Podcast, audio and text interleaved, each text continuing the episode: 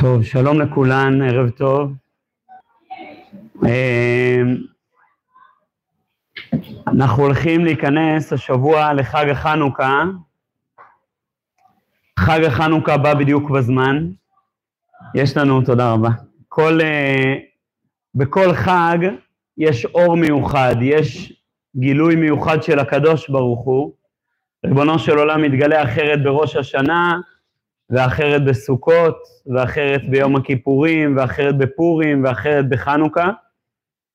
הגילוי המיוחד של חנוכה הוא גילוי מצד אחד של ניסים, מעל הטבע. אנחנו יודעים שהחג הזה הוא חג שמאופיין בנס, זה העיסוק שלו. אבל לאמיתו של דבר, כותב לנו הרמב"ם, שהסיבה שאנחנו חוגגים את חג החנוכה זה לא בגלל נס מציאת פח השמן. אלא בגלל נס הניצחון במלחמה. כשאדם יוצא למלחמה, הרבה פעמים אפשר לחשוב שהניסים הם לא רלוונטיים. נכון שפה ושם באים כל מיני סיפורי ניסים, אני זוכר בעופרת יצוקה היה איזה סיפור שכולם דיברו עליו, על חייל שפגש את רחל אימנו אה, בסמוך לעזה, אני מכיר את הסיפור, נכון? סיפור מפורסם. אה, וזה סיפורים ככה פה ושם שמספרים. אבל נראה כאילו המלחמה זה הדבר אולי הכי הפוך שיש מהמושג נס. מלחמה זה משהו מעשה ידי אדם, עד כדי כך שאנשים באים ואומרים, אמ, פן תשכח את השם לוקח ואמרת, כוחי ועוצם ידי עשה לי את החיל הזה. אסור לאדם לבוא ולהגיד, הכוח שלי הוא עשה לי את החיל הזה. כי זה נראה כאילו איזה כפירה בריבונו של עולם, הרי מה זה הדבר הזה? כוחי ועוצם ידי עשה לי את החיל הזה. זה ריבונו של עולם, הוא בעל מלחמות, הוא זורע צדקות, הוא מצמיח ישועות. איך זה שייך בכלל לומר שכוחי ועוצם ידי עשה לי את החיל הזה, שאני ניצחתי את המלחמה? ובסוף, כדי לנצח מלחמה צריך את כוחי ועוצם ידי. צריך להיות חיילים מאומנים, צריך להיות עם נשק נקי, צריך להיות עם תוכניות אה, טקטיות, אופרטיביות ואסטרטגיות טובות, צריך בסוף אה, אה, לישון במקומות הנכונים, לתפעל את הנשק בצורה הכי טובה, ככה מנצחים מלחמה, מה לעשות? מלחמה, לכאורה, לא מנצחים בניסים. יש לנו איזה מלחמות יוצאות דופן כאלה, חזקיהו מלך יהודה, כשבאים אה, אשור, סנחרי וכל מלכות, כל צבא אשור, באים לכבוש את ירושלים, אז חזקיהו ישן על מיטתו וריבונו של עושה לו נס, וצבא אשור מת. באיזה נס בלתי נתפס כזה. אבל בדרך כלל זה לא עובד ככה. בדרך כלל מנצחים מלחמה בקרבות קשים, עקובים מדם, מסירות נפש, אה, אה, מהלכים טקטיים, וככה מלחמות אה, הולכות ונסגרות בצורה חיובית. וכשאנחנו עומדים בחנוכה וצריכים להודות על הנס, צריך להתבונן מה בדיוק הנס שאנחנו מודים עליו אם לא נס פח השמן, מהו נס הניצחון במלחמה. צריך להגיד שהמושג הזה של ניצחון, המושג של הגבורה הגדולה, לרגע להתחבר לזווית טיפה לא ישרה של חג החנוכה, יש בעצם, אה, חג החנוכה זכה לעדנה מאוד מיוחדת בתנועת הציונות, הציונות החילונית. מאוד חיבקה אליה את חג החנוכה. כי חג החנוכה זה חג שלא מובא בתנ"ך, הוא חג שאפשר להפוך אותו לחג אה, לאומי חילוני, ובאמת תורגמו המון שירי חנוכה לשפה חילונית. מי ימלל גבורות ישראל אותה מי ימנה, נכון? מכירים? כולם שואלים, מי ימלל גבורות ישראל? אה, אין, זה לא הפסוק. יש פסוק, מי ימלל? גבורות השם ישמיע כל תהילתו. הם לקחו פסוק, מי ימלל גבורות השם, שחטו אותו, והפכו אותו למי ימלל גבורות ישראל, אותם גבורות שלנו. או כמו ששרים, מכבים אנחנו ולנו הניצחון. נס לא קרה לנו, פח שמן לא מצאנו. לקחת את חנוכה, להוציא ממנו את נס פח השמן, והנה, נשארנו עם חג חילוני. נשארנו עם חג שהוא פשוט עוצמה פוליטית, צבאית, מדינית, וזהו, לכאורה. אלא שאנחנו צריכים לדעת, כמו שכותב אברבנאל, וכותב את הדבר הזה גם אה, רבנו ניסי, מרן, מגירונדי, בדרשות הר"ן, שניהם כותבים יסוד מאוד גדול על הפסוק, פן תשכח את השם אלוקיך, ואמרת כוחי ועוצם ידי עשה לי את החיל הזה, וזכרת כי השם אלוהיך הוא הנותן לך כוח לעשות חיים. הם באים ואומרים, אין איסור להגיד כוחי ועוצם ידי עשה לי את החיל הזה. הבעיה כשאומרים כוחי ועוצם ידי, כשאנחנו שוכחים את השם אלוקינו. אין בעיה להגיד, כן, עשינו מהלכים טקטיים, גאוניים. אני יכול להגיד לכם שמה שקורה עכשיו ברצועת עזה, באמת בחסדי שמיים, זה דברים מטורפים. קורים דברים מדהימים וניצחונות באמת מופלאים, בגלל גאונות טקטית וגאונות מודיעינית וגבורת הלוחמים ומפקדים ברמה מאוד גבוהה, קורים דברים באמת מרשימים, מרשימים. והסיבה לזה היא לכאורה סיבה, אה, אה, אני בכוונה משתמש במילה הזאת, חילונית, לכאורה. אומר לנו רבי יצחק אברבנאל, אומר לנו הר"ן, לא, אין בעיה לומר כוחי ועוצם ידי עשה לי את החיל הזה. מה האיסור? פן תשכח את השם אלוקיך ואמרת כוחי ועוצם ידי עשה לי את החיל הזה. הבעיה כשאתה אומר כוחי ועוצם ידי, כשאתה שוכח את השם. זה בסדר גמור לומר כוחי ועוצם ידי. הוכחה, המשך הפסוק. וזכרת כי השם אלוהיך הוא הנותן לך כוח לעשות חיל. כלומר, תגיד כוחי ועוצם ידי עשה לי את החיל הזה, והשם נתן לי את הכוח הזה. היכולת שלי לעמוד במלחמה זה, זה כוח אדיר, כוח אלוקי. אולי כדי להבין את זה עוד טיפה, יש לנו תיאור במסכת בבא קמא. מסכת בבא קמא בין היתר עוסקת בדיני שמירה. שומר חינם, שומר שכר, אדם ששואל מחברו משהו, אדם שסוחר דבר מהחבר שלו, כל מיני צורות של שמירה. שואלת הגמרא שאלה, אדם היה שומר על הצאן של חברו. הוא שמר לו על הצאן, הוא הסכים לשמור לו. יום אחד הוא אמר, וואי, אין לי כוח להישאר עם הצאן, אני חוזר הביתה. הולך לישון בבית, בעיר, לא מתאים לי לישון בשטח, אני חוזר הביתה, ולמחרת הוא רואה שכל הצאן נטרף על ידי אריה. שואלת הגמרא, האם הוא חייב או לא חייב? מצד אחד, ברור שהוא חייב, הוא לא שמר. מצד שני, גם אם הוא היה שומר, זה לא היה עוזר. כי הרי אריה טרף את הצאן, גם אם הייתי שם, לא הייתי יכול להתמודד עם אריה. אומרת הגמרא, אבל מצאנו אצל דוד המלך, כתוב גם את הארי ואת הדוב היכה עבדיך, דוד המלך הצליח לנצח אריות. אז הנה, אולי גם הוא היה מצליח לנצח אריות. אומרת הגמרא, לא כל יומא מתרחש ניסה. לא כל יום מתרחש נס. שואלים התוספות, דוד המלך שניצח את האריה, זה לא נס. הוא פשוט היה גיבור. הוא עמד במלחמה קשה מול אריה וניצח אותו, מה הקשר לנס? כשדוד המלך עמד מול האריה, זה לא שירד איזה ברק מהשמיים והרג את האריה והכל היה נפלא. הוא נלחם, מלחמה קשה, למה אתה אומר לא כל יום מתרחש נס? זה בכלל לא קשור למילה נס. אומר לנו התוספות, כשנוסף באדם רוח דעת וגבורה להילחם, הוא ניסה זוטה.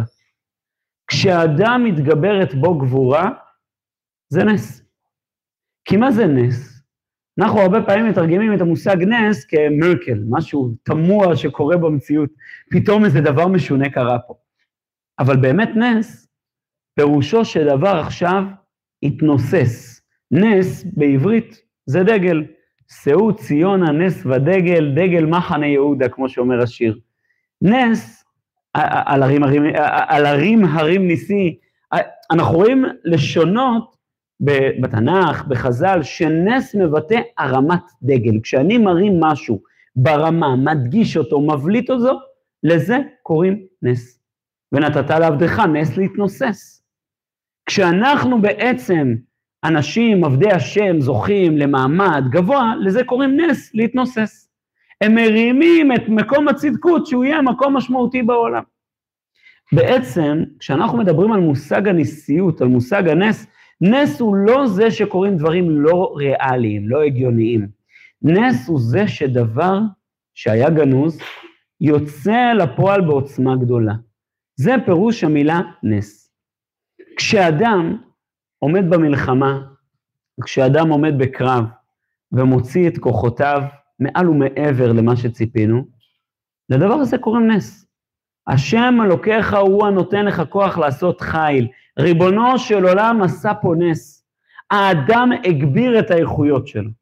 אני חושב שאנחנו יכולים לראות סביבנו אה, בתקופה הזאת המון ניסים. כולם יוצאים מעצמם, כולם מוצאים מעצמם כוחות שבאמת קשה לתאר, שהם בלתי מובנים.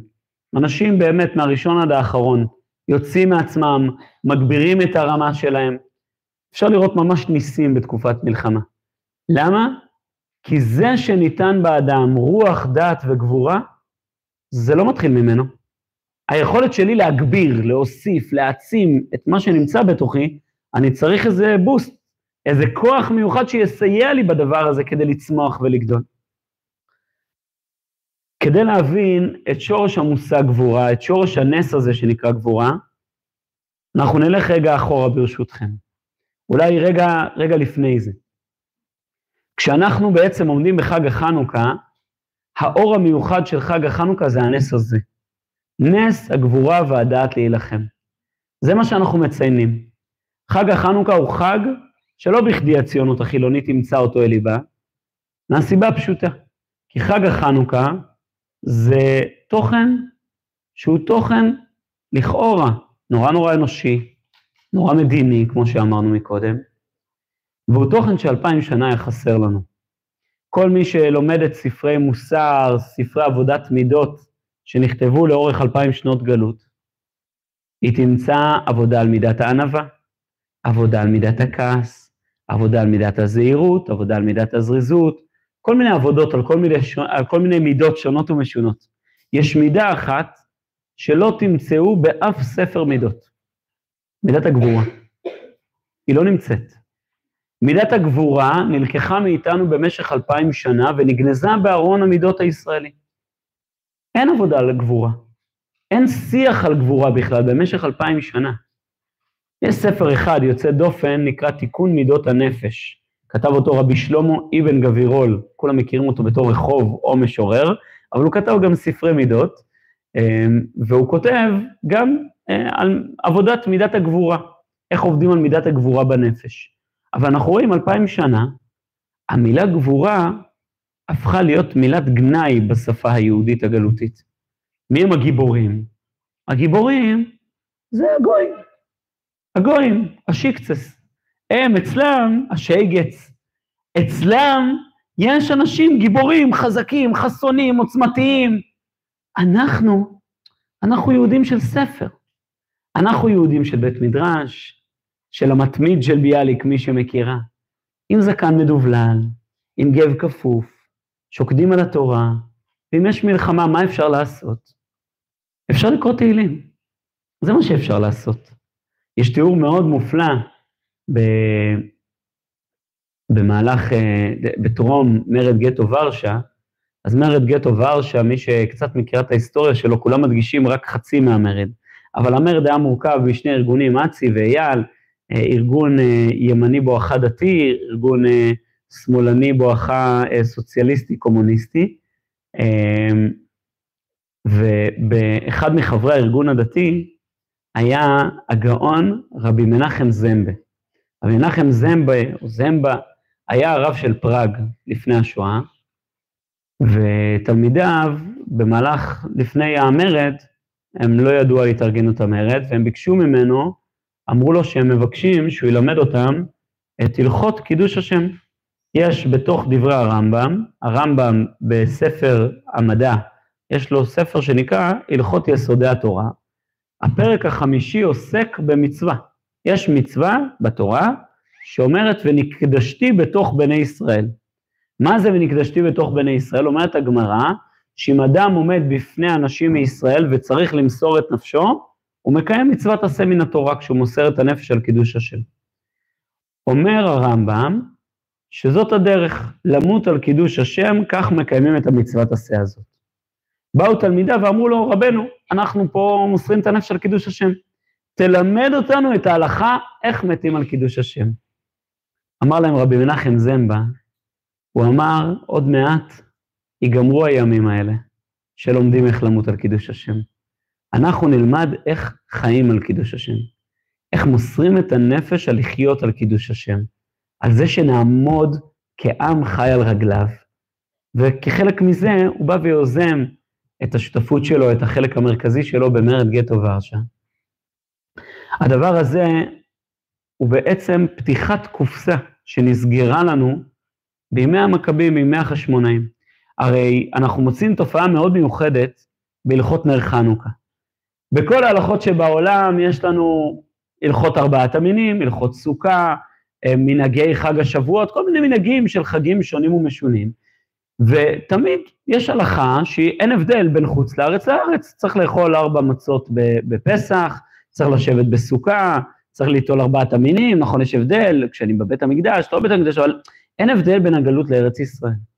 ופתאום בהלכות נר חנוכה אנחנו מוצאים תופעה מאוד מיוחדת. בהלכות נר חנוכה, איפה מניחים את הנר? אומרת לנו הגמרא, מניחו על פתח ביתו מבחוץ. ממשיכה הגמרא ואומרת, ובשעת הסכנה מניחו על שולחנו ודיו. יש מנהג של חסידים שעדיין נוהגים, יש מישהי פה בבית אצלה שמדליקים נר חנוכה על השולחן בבית עדיין? ולא בחלון? אין. חסידים, יש כאלה שעדיין נוהגים לעשות את זה. בגלות, כמעט כולם עשו את זה. למה עשו את זה? כי בגלות זה שעת הסכנה. אי אפשר להדליק נרות חנוכה בחלון, כולם רואים, ידעו שיש פה יהודים, זה דבר מסוכן. אז מדליקים נר חנוכה ככה בשקט, על השולחן, בלי שאף אחד יראה. דווקא בהלכות נר חנוכה, פתאום אומרים לנו איך מקיימים את הלכות נר חנוכה בגלות בשעת הסכנה. מה עם ארבעת המינים? ליטול ארבעת המינים בשעת הסכנה, איפה ליטול, מה ליטול, כמה ליטול, כן לבנות סוכה בשעת הסכנה, לא לבנות? כן עכשיו להכין מצות כשחושבים שמצות מכינים מדם של, של ילדים נוצרים? שאי אפשר, כי זה מחמיץ את המצב, בסדר? אה, אה, מה, מה, חוץ מזה שאסור לאכול דם, עוד הערה. אה, למה לא כתוב על שעת הסכנה באכילת מצה? למה רק בחנוכה זה כתוב? כי רק חג החנוכה הוא מכוון להדריך אותנו במסלול של הגלות. לקחת את הגבורה האדירה של החשמונאים ולהזכיר לנו אותה במשך אלפיים שנות גלות. אנחנו נצא לגלות, נשכח איך להחזיק כלי נשק, נשכח איך להחזיק צבא, נשכח איך להחזיק גבורה, נשכח את המילים האלה, הם יראו לנו מילים גויות, ואנחנו צריכים לארוז אותם אלפיים שנה, פעם בשנה, למשך שבוע ויום. אנחנו נוציא את החנוכיה, ניזכר שלחמנו, ניזכר בגבורה הגדולה, בעוצמה הגדולה, בהדלקת הנרות אחרי ניצחון על אימפריה אדירה, ואז נסגור שוב את החנוכיה לשנה, ונמשיך את חיי היומיום שלנו. אבל בקצה, חנוכה יהיה מה שיוביל אותנו, כשתקום המדינה, כשנחזור הביתה, להיזכר מי אנחנו ומה אנחנו. איזו גבורה גנוזה בעם ישראל. מה גנוז בתוכנו? מה יסוד התקומה שלנו?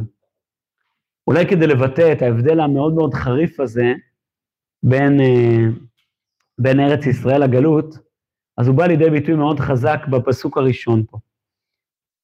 אומרת התורה בספר דברים, חוזרת הרבה על הלכות מלחמה, והיא אומרת, כי תצא למלחמה על אויביך, ונתנו השם אלוקיך בידיך ושבית שביו. כי תצא למלחמה על אויביך, מי זה אויביך?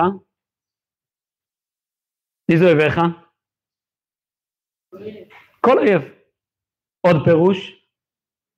יצר הרע. מאיפה אנחנו הבאנו את זה שזה יצר הרע? הרי אם קוראים את הפסוק, הפסוק לא מדבר על היצר הרע.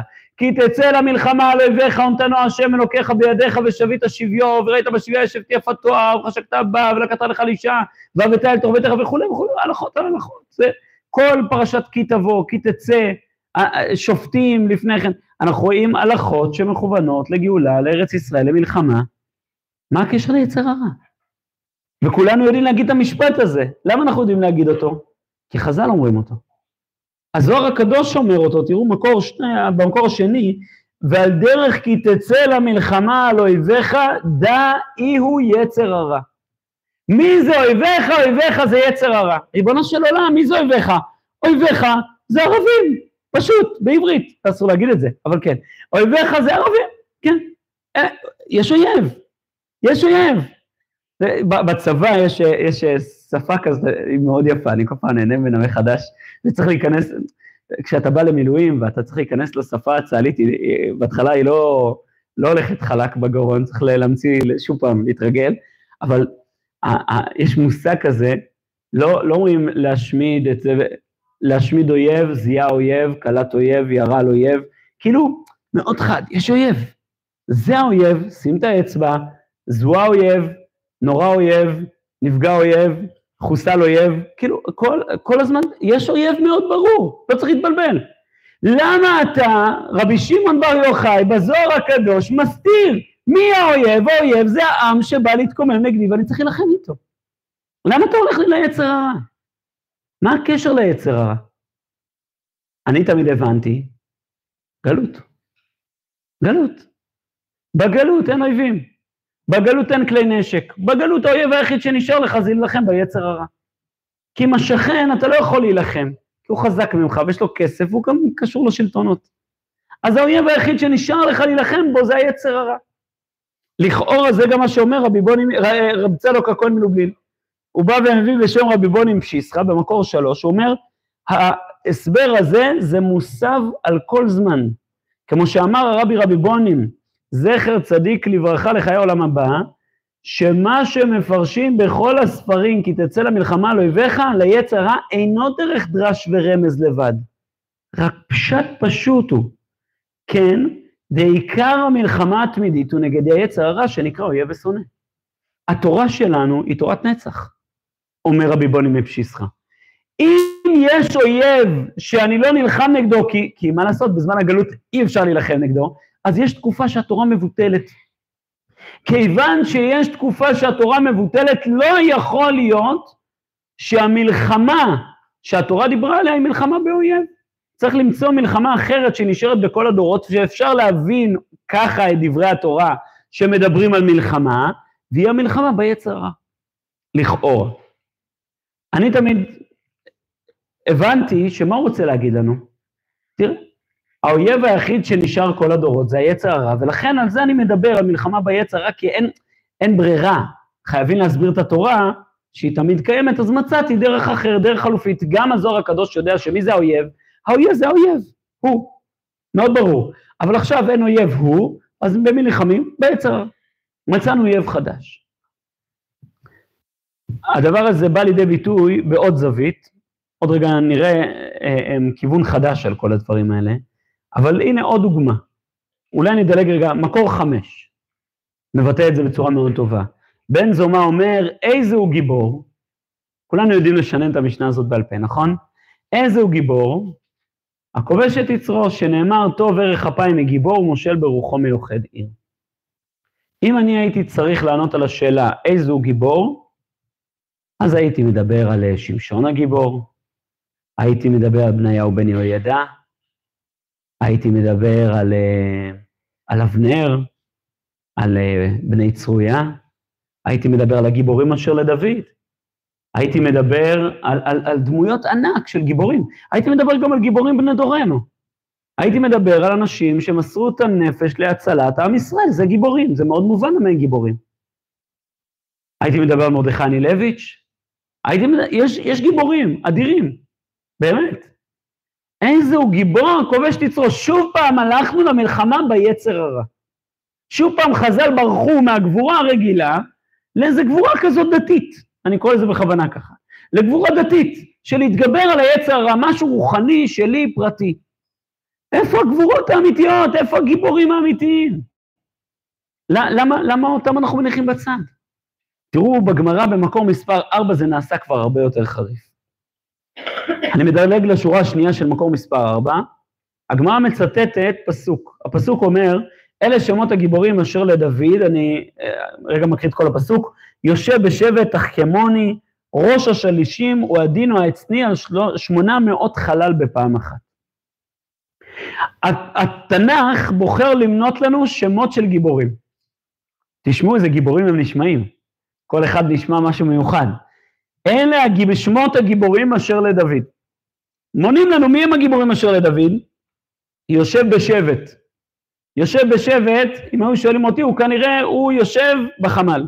הוא המפקד של החמ"ל, הוא יושב בשבט, הוא המתכנן, הוא האסטרטג של המלחמה. תחכמוני, באיזה תחום הוא עוסק לפי השם? אה? תחכמוני? אדם חכם, איפה הוא? מודיעין. זה שחצנים המודיעין האלה. אה, אני אומר את זה בתור מודיעין. תחכמוני, הוא חכם, הוא מתכנן, הוא, הוא חושב, הוא מגלה את כל הסודות. הבא בתור, ראש השלישים. איפה הוא נמצא? בשלישות. בסדר? משן, משאבי אנוש, עסוק במשאבי אנוש, בתכנון, בלוגיסטיקה, בכל ההיבטים השלישיים. שלישותיים, סליחה. הבא בתור הוא הדינו העצני. הדינו העצני, איפה הוא? אה? לא, הלכת לעדינו. העצני, איפה הוא נמצא? איפה? לוחם איפה? גולני. או גולני או כלא, כמו שאומרים אצלנו. הוא הדינו העצני, בסדר? הדינו זה כנראה השם שלו, העצני, בן אדם, אנחנו עוד נחזור אליו, אני לא יכול להתאפק, מה לעשות? אה, אה, שבוע וחצי לא מפסיק לחשוב עליו. אה, תלמיד חבר יקר ואהוב ש, שנהרג לפני שבוע וחצי בזייתון בעזה, לירון שניר, סרן לירון שניר, השם ייקום דמו, שבאמת אהוב בקנה מידה אחר. לפני שהוא התגייס, אז הוא עשה אצלנו מסיבת גיוס. אבא שלו הגיע עם עוגה, עם תמונה של גולני. אמרתי לו, מה זה? אז הוא אומר לי, אצלנו מי שלא גולני לא במשפחה. אין דבר כזה. זה הילד, אם הוא לא מתגייס לגולני, הוא לא מתגייס. כאילו, כל המשפחה גולנצ'יקית, וזו תופעה מופלאה. יש לנו קשר עם... אה, נו, מה שמה? אה, אה, פרץ, מרים פרץ. מרים פרץ, אנחנו קשורים ככה בקשר מאוד מאוד טוב, והיא סיפרה, לנו שבמהלך השבעה, אז הגיע לנחם אותה מישהו עם כומתה אדומה. בסדר, גולני כומתה חומה, כומתה אדומה זה צנחנים, זה האויב. זה להשמיד אויב. היא אמרה, הגיע לה מפקד, אלוף משנה, כומתה אדומה, אמרה לו, אצלנו לא נכנסים דברים כאלה הביתה, תלך להחליף. גם באמצע השבעה, לא נכנסים דברים כאלה. אתה רואה משפחות, אה, מה זה העצני. הבא בתור, על 800 חלל בפעם אחת. זה הבא בתור. על 800 חלל בפעם אחת יכול להיות, אה, זה אפשר בכל מיני, אולי ארטילריה, תותחנים, שריון, אולי חיל האוויר, אה, אולי הנדסה קרבית, לא יודע. מישהו שיודע להוריד הרבה מאוד במכה. זה השמות של הגיבורים של דוד. אנשים שאני אישית הייתי מעדיף לא לפגוש בסמטה חשוכה. אנשים גיבורים עוצמתיים, אדירים, באים חז"ל, לוקחים את הגיבורים האלה ומוציאים להם את כל האוויר. תראו דבר מדהים. אה, אני חוזר למעלה, אלה שמות הגיבורים אשר לדוד יושב בשבט. מה איכה אמר? מה אומר לנו הפסוק? מה הוא בא ללמד אותנו? אמר רבי אבאו, אחי כאמר. כך אומר הפסוק. אלה שמות גבורותיו של דוד. הפסוק רוצה ללמד אותנו מהם גבורותיו של דוד. טוב, אז זה לא הגיבורים של דוד, זה הגבורות של דוד. אני הייתי אומר, אוקיי, מה היו הגבורות של דוד? הוא היה גם המפקד חמ"ל, גם איש המודיעין, גם גולנצ'יק, גם חיל האוויר, בו זמנית, גם משאבי אנוש, שכחתי אותם, בו זמנית, זה גבורותיו של דוד. אומרת הגמרא, אלה שמות גבורותיו של דוד, יושב בשבט. בשעה שהיה יושב בישיבה, לא היה יושב על גבי כרים וקסתות, אלא על גבי הקרקע. דוד, כשהוא היה יושב בבית מדרש, היה כזה מסור ללימוד, הוא לא היה יושב ככה בפינוק, היה יושב על הרצפה ושוקד. טוב, ממשיכה הגמרא ואומרת, אך כמוני, אמר לו הקדוש ברוך הוא, הואיל וישפלת עצמך, אתה מלך ישראל מוכן לשבת על הרצפה? אז תח כמוני, תהא כמוני, שאני גוזר גזירה ואתה מבטלה. ראש השלישים, תהא ראש לשלושת אבות. הוא הדינו העצני, כשהיה יושב ועוסק בתורה, היה מעדן עצמו כתולעת, אולי זה הצד של הרבנות פה, כן, מה שנאמר פה. אה, ובשעה שיוצא למלחמה היה מקשה עצמו כעץ. הנה סוף סוף איזו גבורה, מזכירים מלחמה בקצה, על 800 חלל בפעם אחת, שהיה זורק חץ ומפיל 800 חלל בפעם אחת והיה מתענח על 200, כלומר זה שהוא הפיל רק 800 ולא 1,000. דוד היה מאוד מצטער על הדבר הזה. אז חוץ מהסוף שמדבר על זה שדוד היה מנצח במלחמות, כל הגיבורים הגדולים של דוד הופכים להיות, מה הופכים להיות? בחור ישיבה. בחור ישיבה. לשבת על הרצפה, לשקוט בתורה, אה, אה, להיות ענוותנים, להיות עדינים, וזהו. גם את זה הבנתי בהקשר של מקור שלוש, של מקור חמש, שבעצם מה חז"ל באים ואומרים לי? איך אני אשווה גבורה לאנשים גלותיים? אנחנו בבבל, תלמוד בבלי. איך אפשר לשווק את הדברים האלה לאנשים בגלות, לדבר איתם על גיבורים, אנשי חיל, אנשי מלחמה, זה, זה רחוק מהם. אז בואו ניתן להם משהו שיפרנס את עולמם הרוחני במצב של גלות. מה אפשר לדבר איתם? אפשר לדבר איתם על גבורה, בשקידת התורה, בתפילה, בעדינות, בענווה. על זה אפשר לדבר איתם. אבל נראה לי שגם לכן לא נוח ההסבר הזה. לבוא ולהגיד שהגמרא משווקת לנו את התנ"ך מחדש לאנשים בגלות, זה תיאוריה קצת משונה, ובטח להגיד שהזוהר והמשנה עיוותו לנו את הפסוקים, הרי הזוהר והמשנה נכתבו בארץ. אז לא יכול להיות שזה הנושא שלהם, לשווק לגלות, למרות שהרב קוק כותב שכל בית שני, כל התקופה של בית שני, ידעו שהם הכנה לקראת גלות. ולכן הכל, כל בית שני היה תהליכים לקראת גלות. כל החנוכה הזה היה הכנה לגלות, כל הכתיבה של המשנה, כל יבנה וחכמיה, כל האירוע הזה היה כל הכנות אה, לפרנס את עם ישראל לקראת תקופה גלותית ארוכה. אבל נראה לי שחז"ל רוצים ללמד אותנו משהו אחר לגמרי.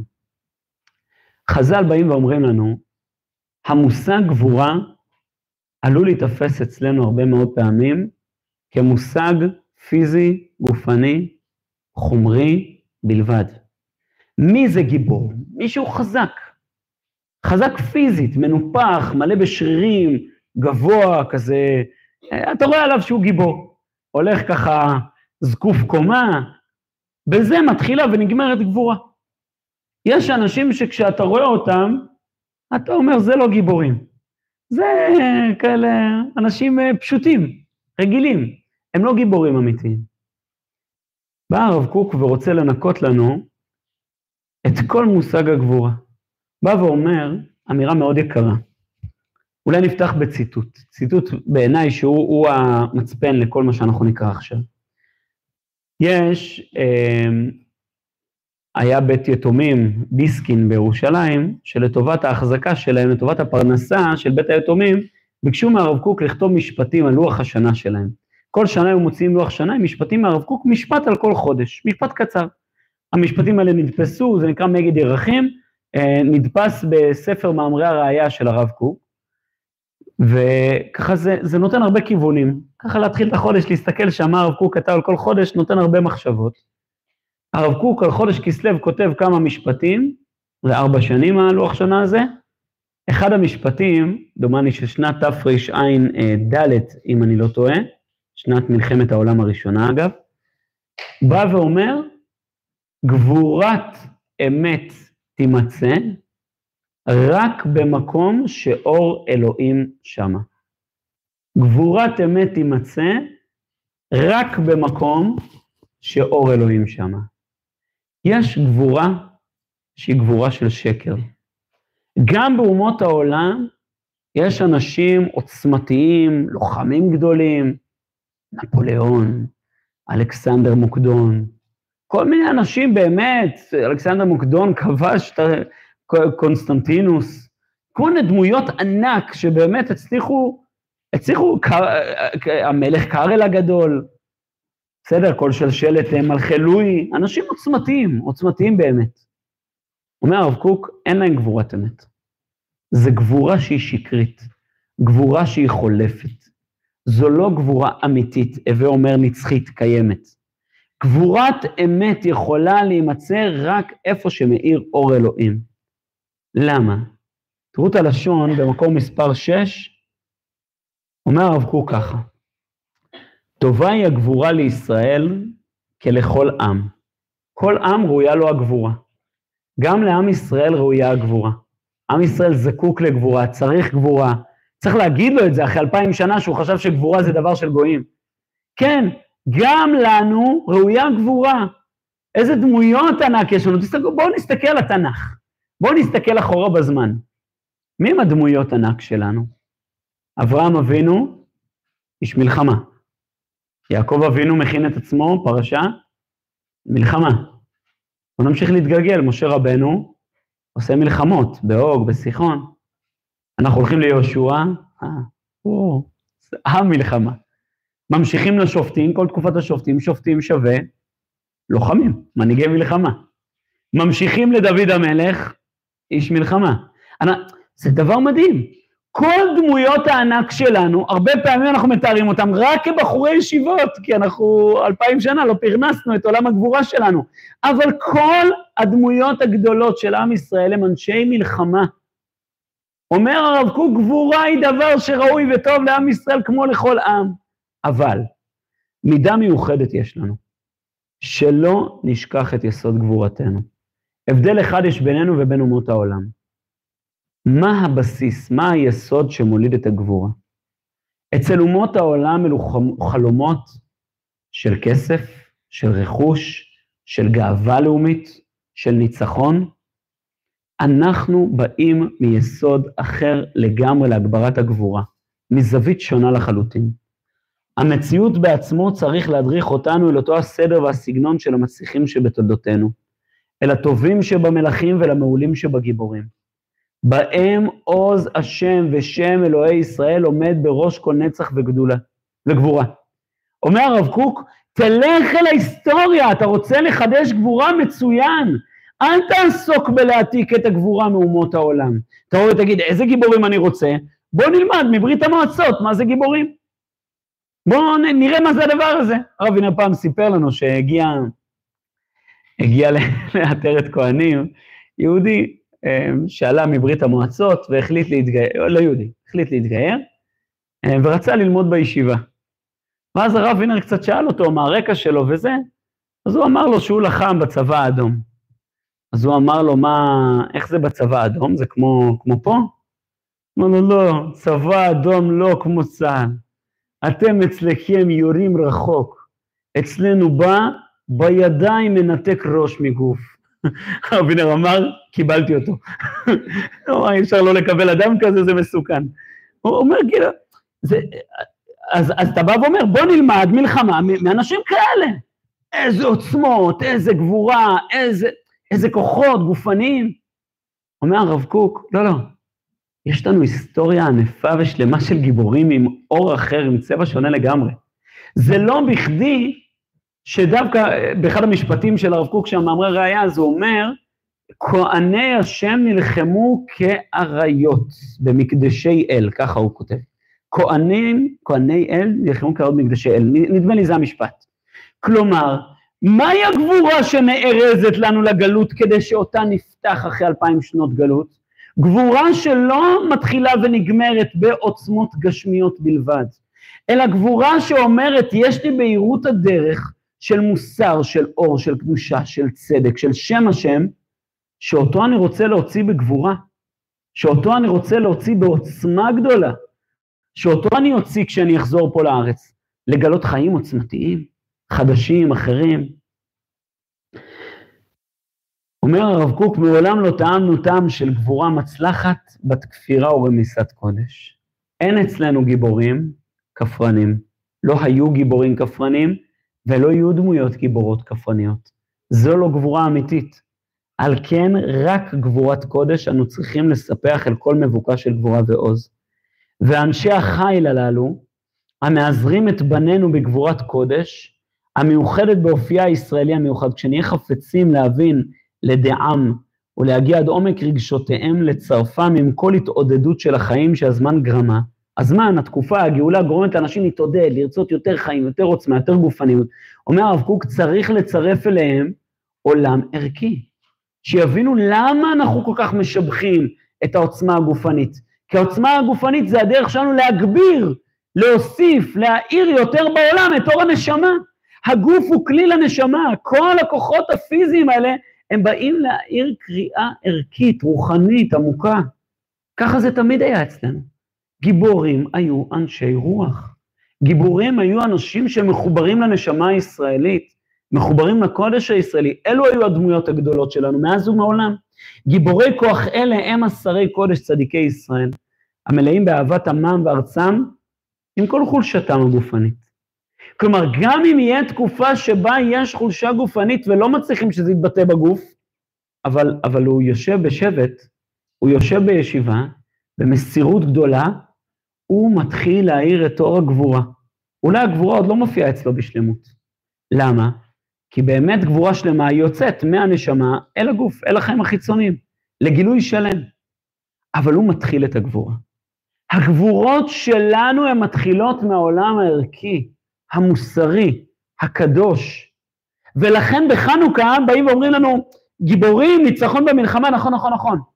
קודש הקודשים, בית המקדש, הדלקת המנורה. למה? משם מתחילה הגבורה.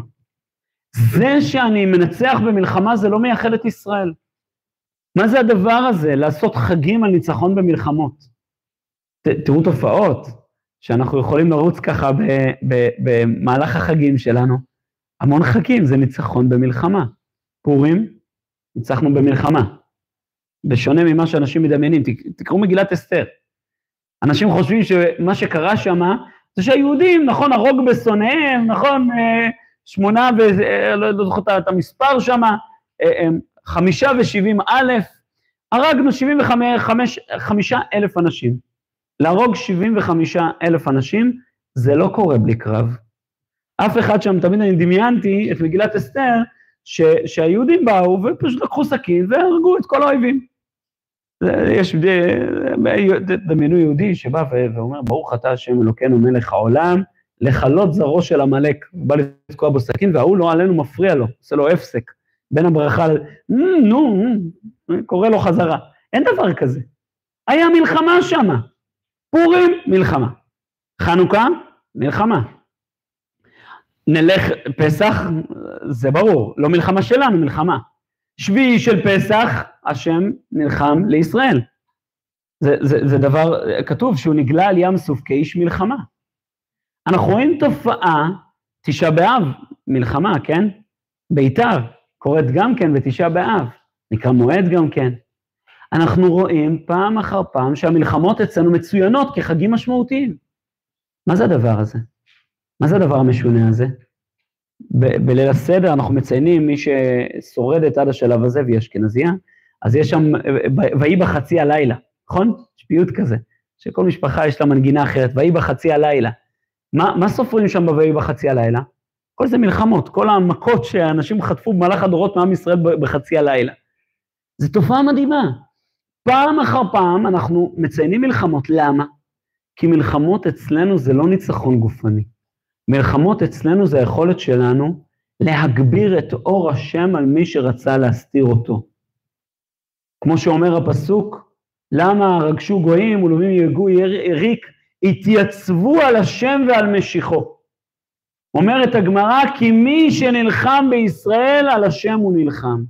הסיבה שאומות העולם נלחמות בנו זה בגלל שבחוש עיוור, לאו דווקא שהם יודעים להסביר אותו, הם מזהים שיש פה אור ישראלי, יש פה אור השם, יש פה איזו אמירה מיוחדת, יש פה איזה צבע מיוחד שהן רוצות לכלות אותו, הן רוצות להילחם בו, בעוצמה גדולה, בחריפות גדולה. אני חושב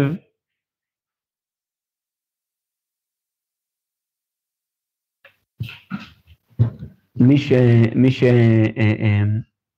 שנחשפה אה, אה, ומי שלא נחשפה, שלא תעשה את זה לעצמה, אבל אה, אני פשוט סתם, בגלל התפקיד, ממש יצא לי לפגוש הרבה ממה שקרה פה בשמחת תורה, דברים לא קלים. אני, זה, אני, את הפענוח הרוחני בשם אחי, הרב ליאור, המעשים האלה נקראים הרבה מאוד אצלנו במילים מעשי נבלה. כל מה שעושים בצורה כזאת מושחתת, בין אם זה ניאוף, בין אם זה רצח מזוהם. והוא העיר לי שהמילה נבלה, תמיד השורש נון ואת למד, תמיד הוא מבטא גופניות בלי נשמה, מלשון נבלה. אותו דבר, אמר נבל בליבו אין אלוהים, נבל ברשות התורה, נבל ברשות התורה זה מי שעושה את הפרקטיקה, את הגוף של התורה, בלי הרוח של התורה. תמיד זה נבלה, גוף בלי נשמה. כשבאה הרשות הזאתי, החמאס הזה, לבוא ולפעול בעולם שלנו, הוא עסוק בלהגביר את חיי הגוף על חיי הנשמה. זה באמת התוכן שלו.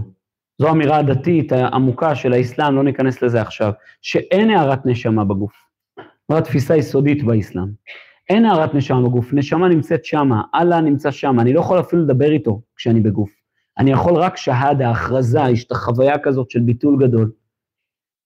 יוון זאת אותה תנועה. חז"ל אומרים אמ, בראשית ברא אלוקים את השמיים את הארץ, והארץ הייתה תוהו ובוהו וחושך על פני תהום, ורוח אלוהים מרחפת על פני המים. תוהו, אלו מצרים, ובוהו, אלו בבל, וחושך, זה יוון. מציאות של חושך היא מציאות שבה יש רק גוף. גוף הוא דבר מחשיך.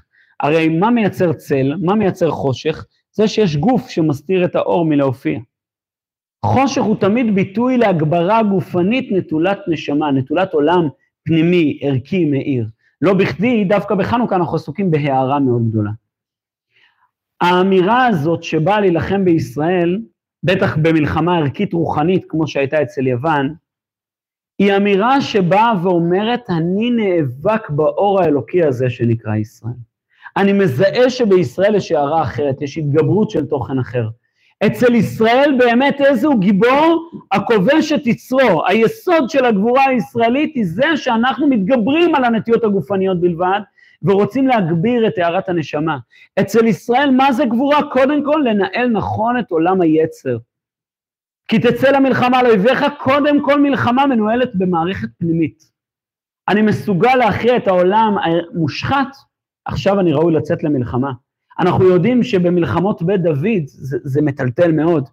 קודם כל היו יוצאים עם תפילין למלחמה, לא עם תפילין בנרתיק, תפילין עליהם. היו נלחמים עם תפילין. דבר בלתי נתפס. יש תיאור של uh, יגאל ידין, הוא עשה מחקר uh, ארכיאולוגי במצדה ובביתר, והוא מצא המוני גולגולות עם תפילין עליהם. כל הלוחמים היו ככה נלחמים, זה היה שיטת הלחימה. היה דבר מדהים. ברור לנו עם מה אנחנו יוצאים למלחמה. אומרת התורה, מהאיש הירא ורך הלבב ילך וישוב לביתו. אומרים חז"ל, ממה הוא ירא? למה הוא רך לבד? לבב? מעוונות שבידו. מישהו שמרגיש שיש לו עוונות, שיעשה אחורה פנה, קדימה ברח הביתה. הוא לא יוצא למלחמה. למלחמה יוצאים רק צדיקים. למלחמה יוצאים רק טהורים, רק נקיים. כי רק זאת מלחמת אמת. כל מלחמה אחרת היא מלחמת גוף, היא, היא, ואז ממילא זו לא גבורת אמת. למה זו לא גבורת אמת? כי הנה מתחילות שאלות על הזכות, רגע, כל אחד והנרטיב שלו, זאת התפיסה שלי, הוא גם יש לו זכות להילחם. עמד רמטכ"ל לשעבר, שהשם יסלח לו ויחזיר אותו בתשובה, עמד ו- ואמר פה שהוא מאוד מבין את האויב, ה- הוא קורא לו פלסטיני, אין חיה כזאת, אבל את האויב הפלסטיני. הוא גדל עם נרטיב אחר, וצריך לכבד את הנרטיב שלו. ואם אני, ככה ציטוט שלו, אם אני הייתי ילד ערבי, הייתי עושה יותר מזה. זה, זה פשוט עיוות. כשלא ברור לך מאיפה אתה יונק את המלחמה שלך, אז המלחמה מידרדרת למקומות לא נכונים. מלחמת אמת היא נבחנת בזה שהיא מלחמה טהורה, היא מלחמה מאוד מדויקת. היא לא עדינה בהכרח, היא יכולה להיות הדין או העצני, כשיוצא למלחמה, 800 חלל בפעם אחת ומצטער על 200 שהוא לא הספיק. זה לא עושה אותך פחות מוסרי, אדרבה. אוהבי השם, אנחנו אומרים כל קבלת שבת, אוהבי השם, שנאו רע, שונאים את הרע, רוצים להוקיע אותו, רוצים לבטל אותו, רוצים למחוק אותו, כי מלא הארץ חמאס. כן, מה קורה כשמלא הארץ חמאס? הנני משחיתם את הארץ. צריך לבטל את החמאס מהארץ, זה, זה ריבונו של עולם אומר.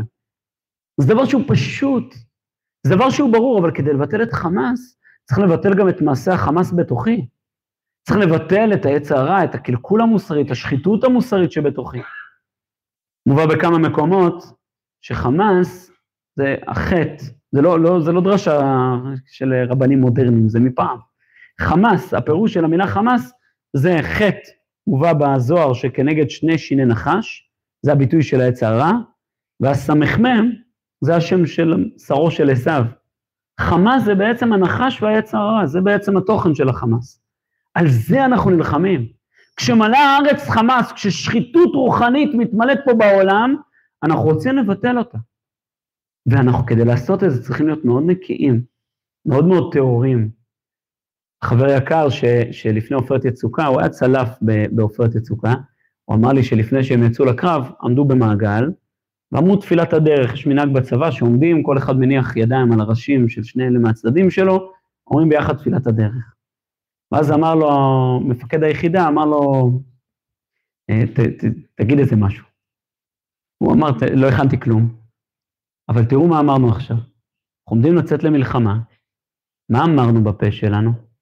שתוליכנו לשלום, תצידנו לשלום, תגיענו למחוז חפצנו לחיים לשמחה ולשלום, תחזירנו לביתנו בשלום. אנחנו הולכים למלחמה בשביל שלום. אבל מלחמה בשביל שלום זה לא היום התרגום של המילה שלום, הכוונה היא היעדר לחימה. אז אי אפשר להילחם בשביל שלום. אפשר לא להילחם ואז יהיה שלום. אבל הוא אומר לא, אנחנו הולכים להילחם כדי שהעולם יהיה שלם יותר, כדי שהעולם יהיה טוב יותר, מתוקן יותר. וממילא אנחנו צריכים לבוא מאוד, מאוד עם חלומות עמוקים וגדולים למלחמה הזאת. חלוק, חלומות קדושים, טובים. אני ש, לוקח דקה, זה בסדר? בטוח? אז, אז בטיל. אני, הרב קוק כותב במקור מספר 8 באורות המלחמה, הוא אומר שאנו מסתכלים בדורות הראשונים שמסופרים בתנ"ך, ואנחנו רואים איזה אנשים אציליים יוצאים למלחמה. הרב קוק בא וחותם את הדברים, תסתכלו, שורה רביעית לפני הסוף, חמישית לפני הסוף, הוא אומר, עזיזים היו ברוחם, וידעו בעומק החושך לבחור בטוב ולסור מן הרע. גם כי אלך בגיא צלמוות לא יירא רע כי אתה עמדי. הפשט של הפסוק, לא יירא רע כי אתה עמדי, גם כשאני הולך במלחמה, לא יקרו לי דברים רעים כי אתה שומר עליי. אומר הרב קוק, לא. גם כשאני הולך במלחמה, אני לא מתרועע, אני לא מתחבר עם המידות הרעות, עם קלקול מוסרי. כי אתה עמדי, אתה עומד לנגד עיניי בעמידה במלחמה הזאת. אתה, מה שברור לי, אליך אני צועד, זאת תכלית הלחימה שלי. אני חייב להקריא שני משפטים שאני לא יכול להתאפק מלקרוא אותם, ובזאת חתמנו. כמו שהזכרתי מקודם, אה, חבר יקר, תלמיד, אה, סרן ליאור, לירון שניר, האהוב מאוד מאוד, אה, שנהרג לפני שבוע וחצי, אז ההורים קיבלו, אני מניח שזה הופץ בכל מקום אפשרי, אבל ההורים קיבלו את הטלפון שלו אחרי, אחרי השבעה, והם פתחו. והיה לו קבוצת וואטסאפ עם עצמו, כמו לכל אדם, נכון, לכולנו יש כזה. אני ועצמי. הוא כתב, זה סוף סוף קורה, כבר התחלתי לאבד תקווה שניכנס. ברוך השם, יש לי את הזכות לקחת חלק במלחמה ולהיות בתוך עזה, להילחם ולהחזיר את הכבוד של צה"ל ועם ישראל, ובעיקר לדאוג שלעולם לא עוד. מה שהיה זה לא מה שיהיה. אנחנו חזקים יותר, טובים יותר, מוסריים יותר, ולנו יש את התביעה האמיתית על החיים והקיום בארץ ישראל. זה הזמן לומר בבירור לנו ולכל העולם, עם ישראל חזק. מי שינסה או ירצה לפגוע בנו, יקרה מה שקרה לחמאס. יש עוצמות בעם הזה, יש אחדות, וכואב שהקדוש ברוך הוא צריך להראות לנו את זה בדרך הקשה. אבל אני שמח שמתגלים ויוצאים לפועל כל העוצמות והאחדות העם, ועכשיו זה תורי. עכשיו זה תורי להיות, להילחם, להעז, לפקד על הצוות בעת הזאת במלחמה, בעוז ובענווה אמלא את זה, אנחנו חזקים ומלאים תעצומות. אם חלילה יקרה לי משהו, אני אוהב את המשפחה שלי ובזכותם אני מי שאני. צריך לזכור, וזה משפט שהוא כל החיים היה אומר אותו, ממש כל הזמן, זה היה כל, כל רגע. צריך לזכור להיות בגדלות. נו, צריך להיות גדולים, צריך להיות בגדלות, ללמוד בגדלות, כהן גדלות, כי זה כל טוחן המילה הזאת. לאהוב את החיים ולהוסיף טוב בעולם. להיות טוב, זאת השאיפה שלנו, להיות טוב לכל. זה לא עולה כלום, להיות טובים ולעשות טוב. אני שמח על החיים, על מה שעשיתי וזכיתי להיות, עבור העם שלי ועבור מי שסביבי ושהצלחתי להשפיע עליו טוב. אנחנו צריכים להיות טובים ולעשות טוב. ההבנה הזאת שביציאה למלחמה זה מה שעומד לנגד עינינו. להוסיף טוב ואור בעולם. זה מה שמעניין. זה מה שנוגע. בזה צריך להתעסק, זה בדיוק גבורה ישראלית. זה גיבור. אבל זה גיבור עם גבורת אמת. גבורת אמת תימצא רק במקום שאור אלוהים שם. בעזרת השם, חנוכה שמח ומלא בהערת גבורה לנו ולכל עם ישראל.